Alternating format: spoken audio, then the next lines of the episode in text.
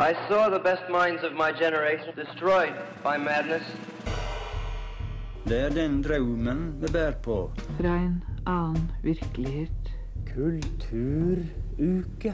Eh, ja, jeg heter Dag Solstad, og dere hører nå på Bokbaren, og der er altså jeg. Det stemmer. Eller du hører på Bokbaren, men Dag Solstad er dessverre ikke her i dag. Men det er jeg, Siri, og du, Emma. Ja, hei. Og du, Truls. Hallo, hallo. Hallo, hallo. Vi har jo nettopp premiert vår nyeste åpningsvignett. Her eh, syns det om den. Jeg er kjempe, kjempestolt. Vi satt jo og jobba med den babyen i et par timer, så jeg er veldig fornøyd med resultatet. Ja. Jeg har fått med en god, eh, god bunch med eh, klassi klassikere, skulle jeg si, gode forfattere. Så jeg er veldig fornøyd med det. Mm. ja. Ja, Skal vi name-droppe litt, eller hva var det egentlig vi hørte? Vi hørte først Ellen Ginsberg, Ja. og så er det Og jeg må prøve å huske på rekkefølga, da. Det er den drømmen. Olav H. Hauge, Ja. og så Gunvor, Hoff, ja. Gunvor Hofmo, Mm. Jan Erik Vold Mm, og eh, Dag Solstad. Og Dag Og Solstad. Dag Solstad. Den litterære kjempen i eh, norsk eh, offentlig litteratur, holdt på å si. Dag Solstad. I dag så skal jo vi angripe bokhøsten, vi, for det fins jo ingen tid bedre å lese bøker på enn skjelve høsten. Nei, det er helt sant. Så som du sa for en stund siden, det å kravle seg inn i et teppe og ta noe varmt i koppen og, drikke, og lese en bok, det blir ikke noe bedre enn det. Nei, det er sant, det. Men jeg er litt enig med Vigdis Hjort. Det å sitte på, på bar og lese bok, jeg er veldig glad i det. Og jeg sender høstkvelder. En mm. god øl og en god bok. Uansett, her er det du har tigget med deg inn i tapene denne uka her, eh, Emma. Eh, jeg har lest eh, 'Det jeg leter etter finnes ikke her' av Mari Tveita Stagrim. Ja. Mm. Det er hennes andre bok. Det er, Det er hennes andre bok. Eh, en punktroman, lærte jeg i dag. Mm. Eh, ja, så den skal jeg snakke om litt senere. Mm. Ja. Men du Truls? Jeg har med debutromanen til Nora Shentivani. Det er feil uttalelse, men ja ja. Den heter, Le ja. Den heter 'Leiligheten', og hadde en uh, fin stund med å lese den. Så ja, gleder Ja. meg til å ha den. Ja. Ja hun er ja, debu, debu, debutant. Jeg har lest en debutant til i dag. Jeg har lest Marie Landmark sin 'Hendelser uten navn'. Det er for så vidt en, en roman jeg, jeg satte veldig stor pris på, så jeg tenkte jeg gleder meg til å, å fortelle det litt grann om den. Men det er, jo, det er jo ikke bare disse tre bøkene. Å ja. Unnskyld, vi må jo nevne Johannes kunne dessverre ikke være her i dag, men han har laga en anmeldelse til oss, for han har lest Helga, eh, Helga eh, Flata, Flatland. Flatlands eh, Åhå, er den heter igjen.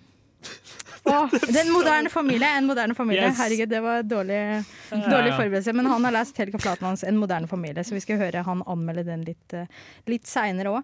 Vi skal jo òg prate om alle de bøkene som vi kunne tenkes å ha lest, men ikke har fått lest ennå.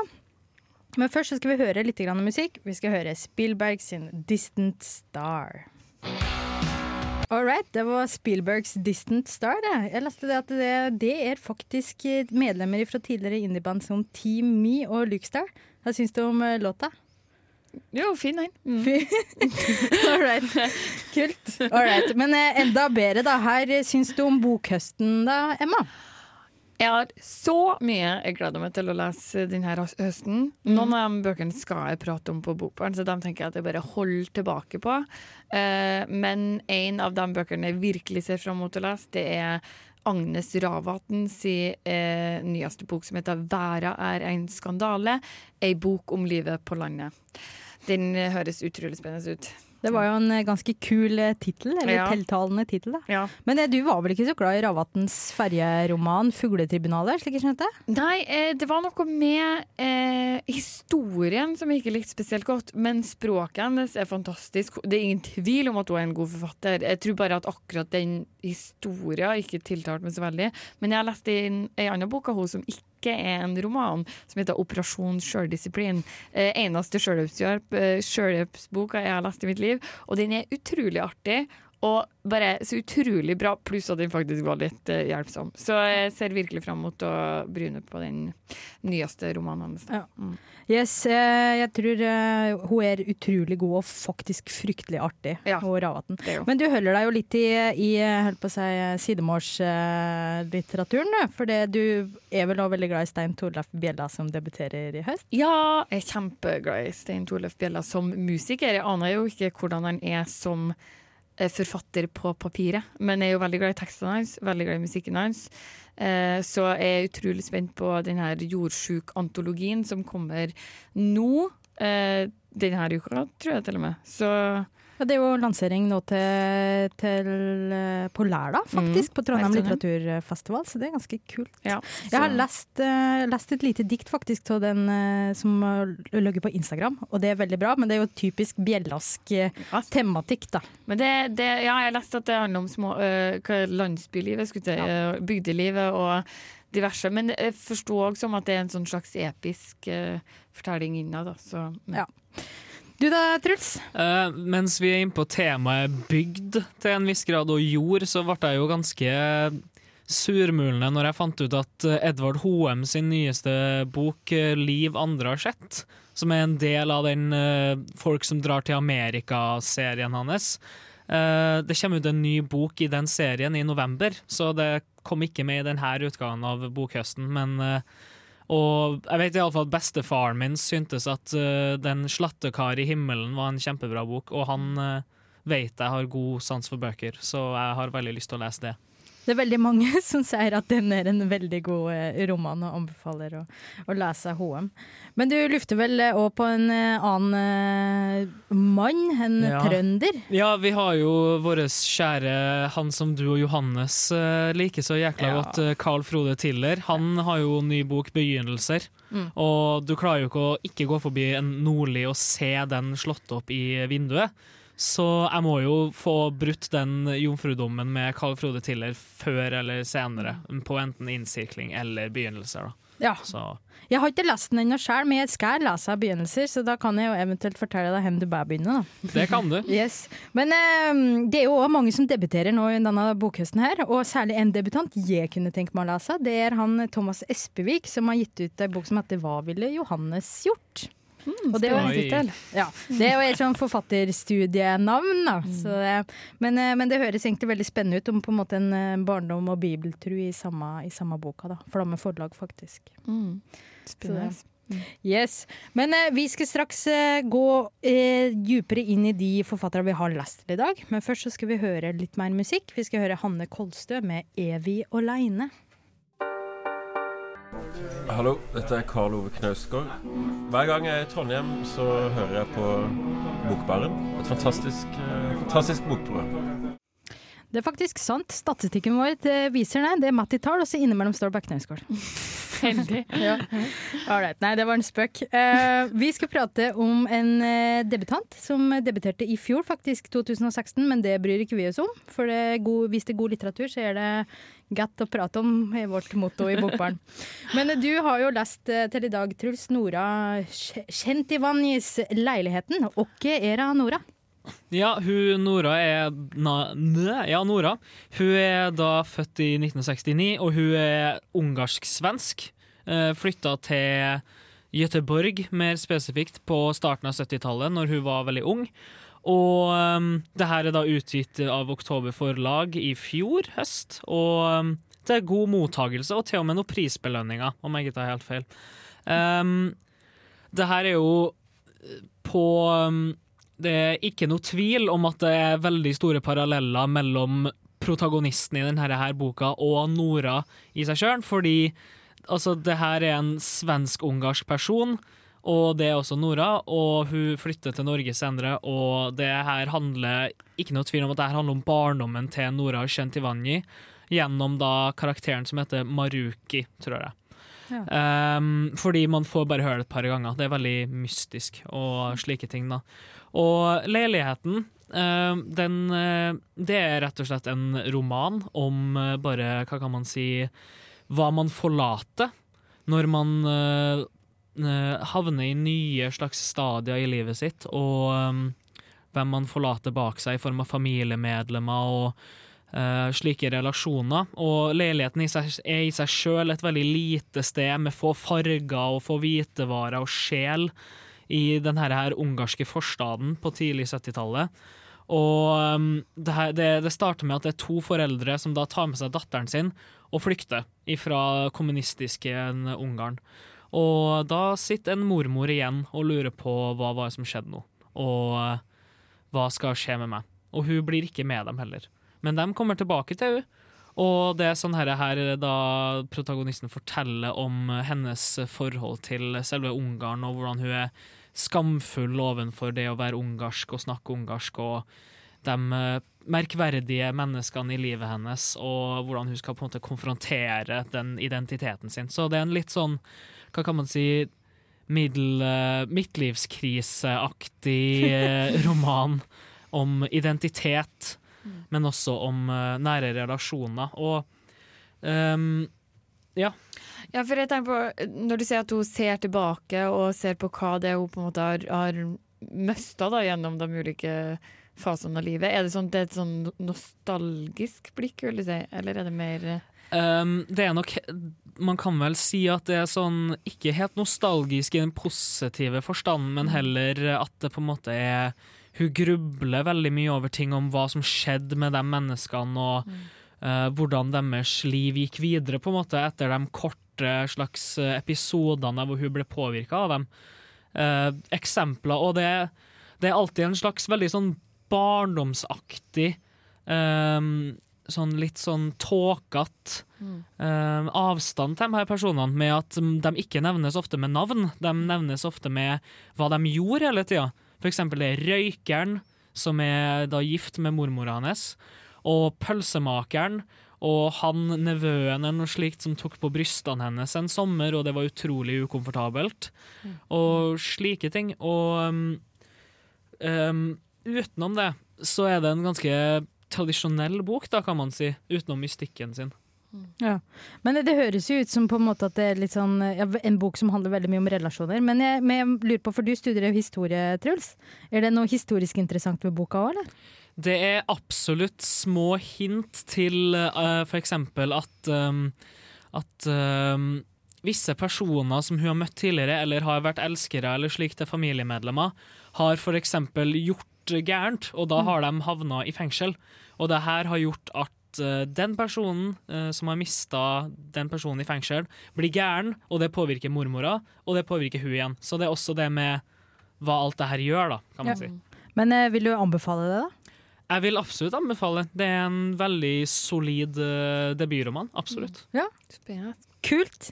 Vi skal høre litt mer musikk før vi går over på neste debutant. Vi hører Yango Yango med Tic Tac Toe. Det var Django Django med Tic Tac Toe, det. Og er ikke det egentlig et spill, Emma? Jo, jeg tror det ligna litt på bondesjakk eller noe sånt. Ja. Mm. Bondesjakk? Ja, det er ganske kult. Hva har du lest i dag da, Siri? Du, jeg har lest en debutant til i dag, jeg òg. Jeg har lest eh, Marie, Marie Landmarks 'Hendelser uten navn', som er eh, en punktroman, det òg, faktisk. Som betyr at den er på en måte det romannarrativet delt opp i korte prosastykker, som gjerne ofte utgjør en eller kanskje to sider til sammen. da. Og det handler om eh, ei eh, navnløs kvinne som hun forblir navnløs gjennom hele narrativet. Som jobber innenfor industrien med å undersøke arbeidsulykker. Da. Ofte på, på fabrikker og skipsverft.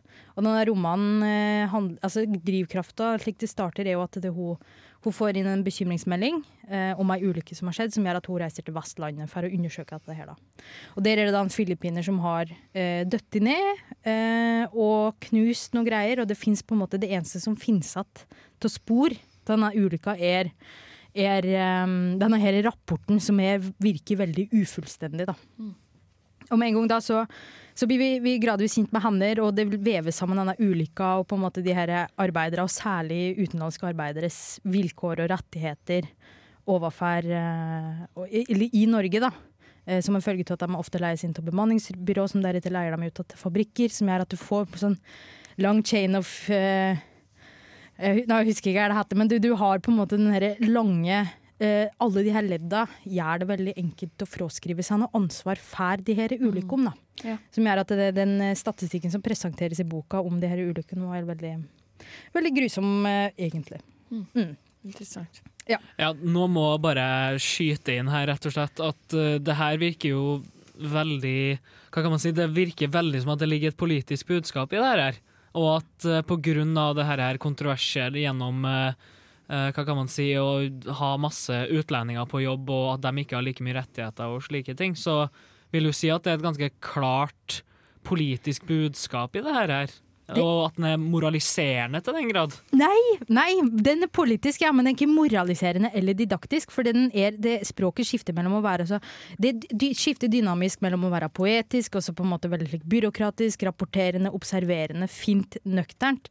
Som gjør at det eventuell eh, politikk er egentlig skjult i skjønnlitteraturen, da, slik god skjønnlitteratur kanskje skal være. Så det er ikke noe klar slags eh, partisk eh, tankegang, eller? Jeg tror det er litt for mye roman til å være så Ja. utprega politisk, eh, egentlig. Men det høres likevel ut som det er en roman som ikke føyser inn i den her navlebeskuende rekka. Nei, overhodet ikke. Nei. dette her syns jeg er kjempebra litteratur. Og jeg må si det at jeg tenkte på en annen roman da jeg leste den her. Tor Even Svane sin 'Til vestisen', som kom ut i fjor. Som handler om ei jente, nei unnskyld, ei dame som driver og undersøker selfangst. Handler om på en måte kvinners vilkår i særlig maskulint dominerte arbeidsbransjer. da. Og det er samme type roman det her, ikke sant? Som er, det er veldig skjønnlitterært, eh, men allikevel nydelig. Så, men vi skal høre litt mer musikk. Vi skal høre 'Who Is She' med Top 8.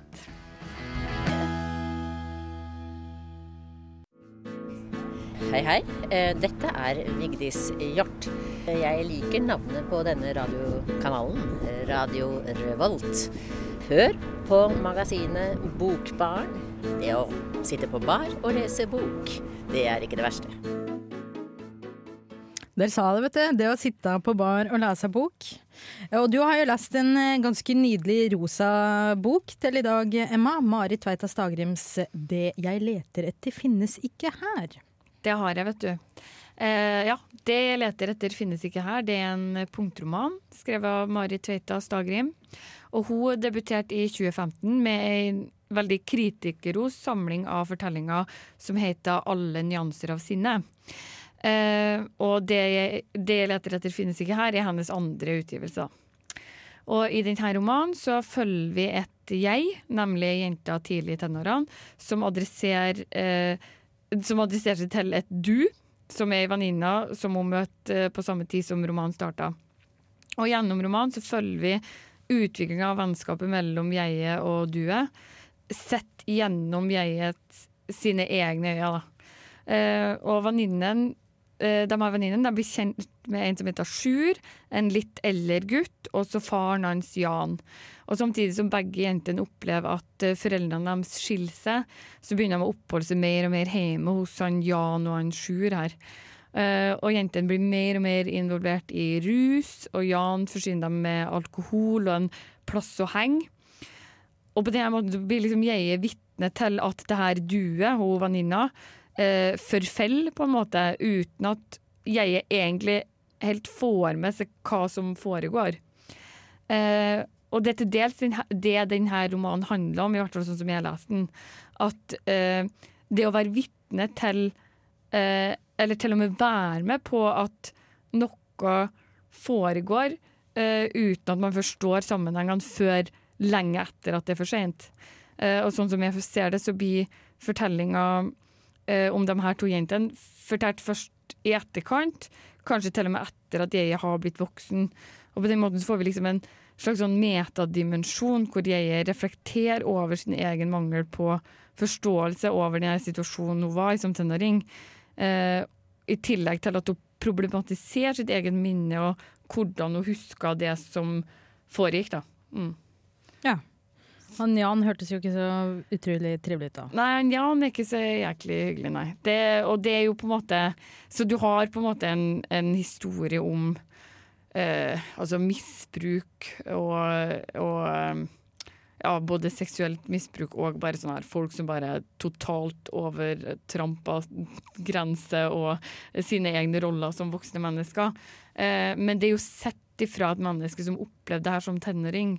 Tidlig tenåring, jeg tror 12-13 år når, når romanen starta. Så, så det er likevel litt eh, Altså, du får liksom den her usikkerheten. Det her med at hun bare Jeg ser at ting foregår, men jeg skjønner ikke helt hva det ser, og derfor reagerer jeg ikke noe særlig. Og så i ettertid så er det bare sånn What? Hun ble med på soverommet. Altså, Mm. sant? At, men at kanskje det, i øyeblikket så er det vanskelig å se da, at det her er ikke greit, liksom. Spesielt når du er 12 eller 13. da. Ja. Mm. Men vi, vi prater jo litt om at dette er en roman som ikke har fått så utrolig mye oppmerksomhet, men allikevel så er jo tematikken egentlig ganske Her skal vi si med, altså, Når Vigdis Hjorth skrev om noe lignende, så var det jo haraball i media. Ja. Og jeg, jeg tror rett og slett at grunnen til at den her ikke har fått så mye oppmerksomhet, er at den er litt flat. Altså, det er ikke en dårlig roman, men den er heller ikke kjempebra, liksom. Jeg, etter å ha lest den, så hadde jeg nesten glemt litt hva det var jeg hadde lest. på en måte. Det var ingenting ved språket som, som ga meg spesielt mye, da. Eh, ja, men, men selve historien var jo egentlig veldig spennende. Ja, det, jeg skulle bare spørre om det Hvor er det du tror den største svakheten til boka ligger? Er det i, du nevnte jo språket, så er det der det ligger, eller? Ja, fordi språket er fint, og det er greit, og jeg reagerer ikke på noen ting, men det er liksom Det, det er bare ingenting som tenk, gjør at jeg tenker at ja, det her må være om Marit Tveitas Dagrim som har skrevet, liksom. Mm. Det er bare ganske anonymt, da. Og så er, er det i tillegg en punktroman som vi skal komme tilbake til senere, så da kan jeg jo si litt om, om formen i forhold til innholdet senere. da. Ja. Men eh, både Truls og jeg var jo ganske eh, egentlig fornøyd med våre bøker. Nora Chetivanje og, og jeg leste Marie Landmark. Her, eh, hvilken dom følger du? Jeg feller den dommen at jeg er, veldig interessert i debutromanen til HR, som fikk veldig god kritikk, eh, og som heter, som heter 'Alle nyanser av sinne' og handler om sinte damer. Eh, mens at den her, den, den forsvinner litt i massen av eh, ja, andre korte romaner. Ja, all right. Vi skal høre litt musikk. Vi skal høre Ariel Pinks 'Dream Date Narcissist'. Ja, Johannes som dessverre ikke kunne være med oss i studio i dag, han har jo lest eh, Helga Flatlands eh, 'En moderne familie'. Har du hørt om Flatland før? Ja, det har jeg. Men jeg har ikke lest noe av henne, men jeg har skjønt at det burde jeg gjøre. Ja. Så, og nå er jeg spent på å høre på anmeldelsen til Johannes. Kanskje jeg får det bekrefta enda mer. At Ja, jeg burde ha lest noe Det er godt mulig, for hun er jo, hun er jo regnet som en av de liksom, beste unge norske fremadstormende forfattere, med, med fem romaner bak seg. Og da hun debuterte i 2010, så vant hun faktisk Tarjei Vesaas debutantpris. Og det er jo ofte en, et kvalitetsmerke på forfattere. Men jeg er enig med deg, Emma. Vi skal høre her Johannes har å si om en moderne familie. Hvor viktig er den nærmeste familien for oss? Og hva kan skje hvis vi mister taket i holdepunktene i livene våre? Helga Flatlands roman 'En moderne familie' er en intelligent, innsiktsfull og aktuell undersøkelse av familien som institusjon, og av relasjonene og den individuelle opplevelsen av en familie. Toril og Sverre er i begynnelsen av 70-årene. De er spreke og oppegående og har tre voksne barn og to barnebarn. De har hatt gode jobber og har skapt en familie med sterkt og godt samhold. Alt ser ut til å ligge til rette for en fin pensjonisttid som ektepar og familie. I åpninga av romanen møter vi denne storfamilien på ferie i Italia, hvor de feirer Sverres 70-årsdag. Plutselig kommer det fram at Toril og Sverre har bestemt seg for å skilles. I en alder av 70 år har de funnet ut at de har vokst fra hverandre, at de ikke lenger ser noen framtid i ekteskapet. For de tre ungene kommer det her som et sjokk. Romanen fortelles i første person og vekster mellom Toril og Sverres tre barn, Liv, Ellen og Håkon, som fortellere. De tre ungene har nokså ulike liv, og deres perspektiv og forutsetninger gjør at vi får tre individuelle og ulike opplevelser av familiesituasjonen.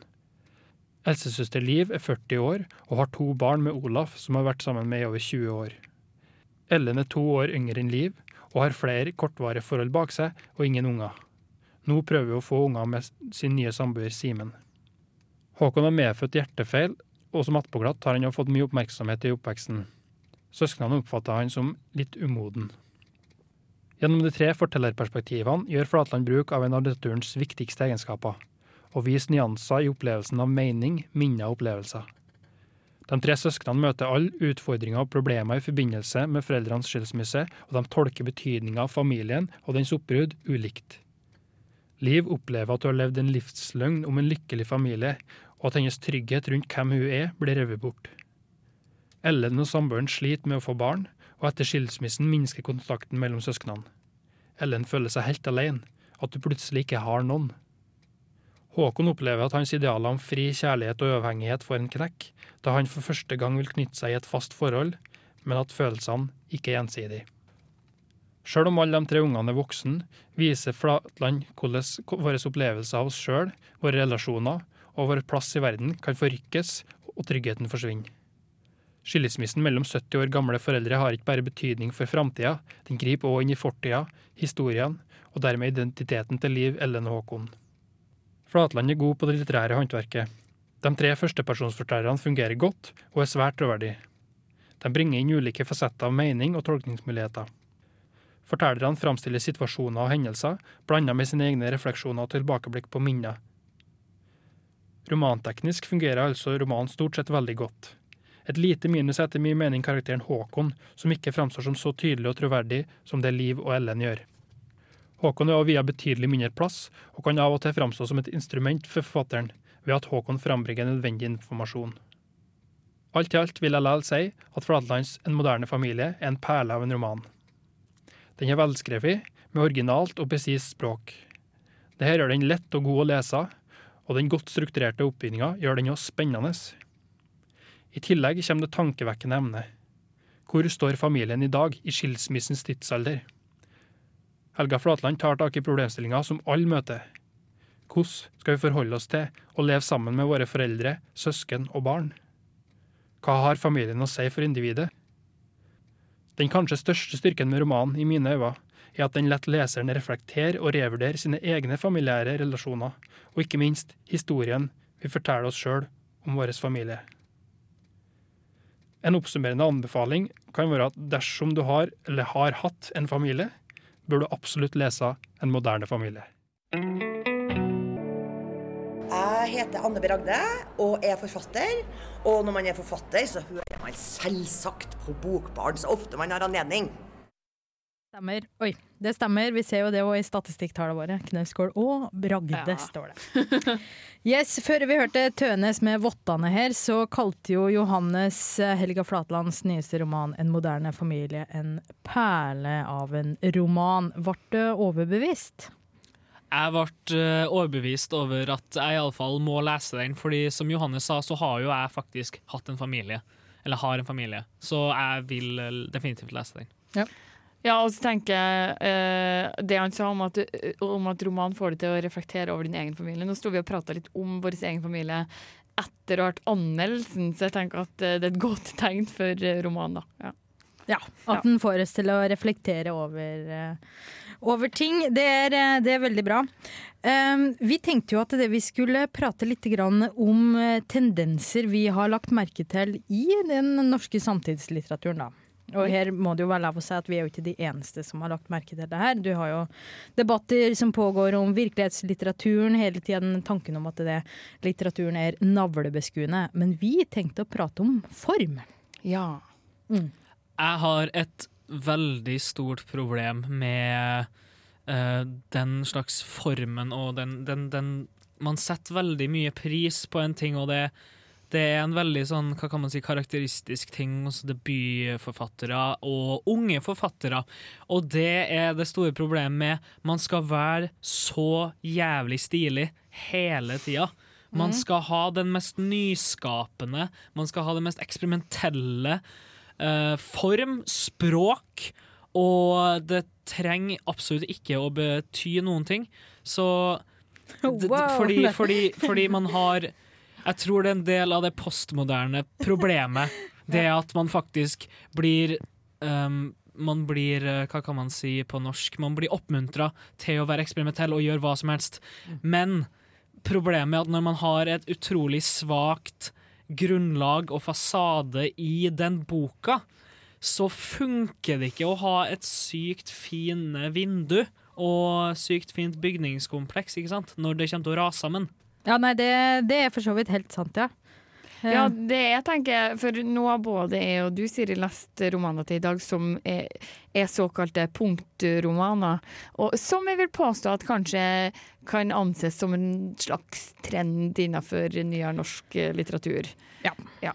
Det tror jeg vi kan være enige om. Ja, for som, eh, som jeg sa, punktromaner handler jo ofte om at det, det er korte delkapitler. Eh, eller de fungerer nesten ikke som kapitler heller, de fungerer jo i det sammenhengende narrativet. Men mange ganger så kan de òg nesten stå som, som bruddstykker eller prosastykker på egne bein, da.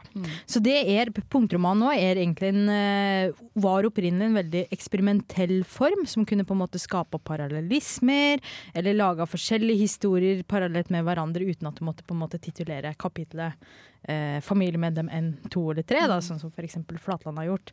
Men, eh, men det problemet er at det har blitt såpass godt forankret i, og særlig hos yngre debutanter òg, at det er ikke egentlig lenger en eksperimentell form, men det kan være Altså, jeg merker, jeg savner den store, gode romanen. Den som henger sammen.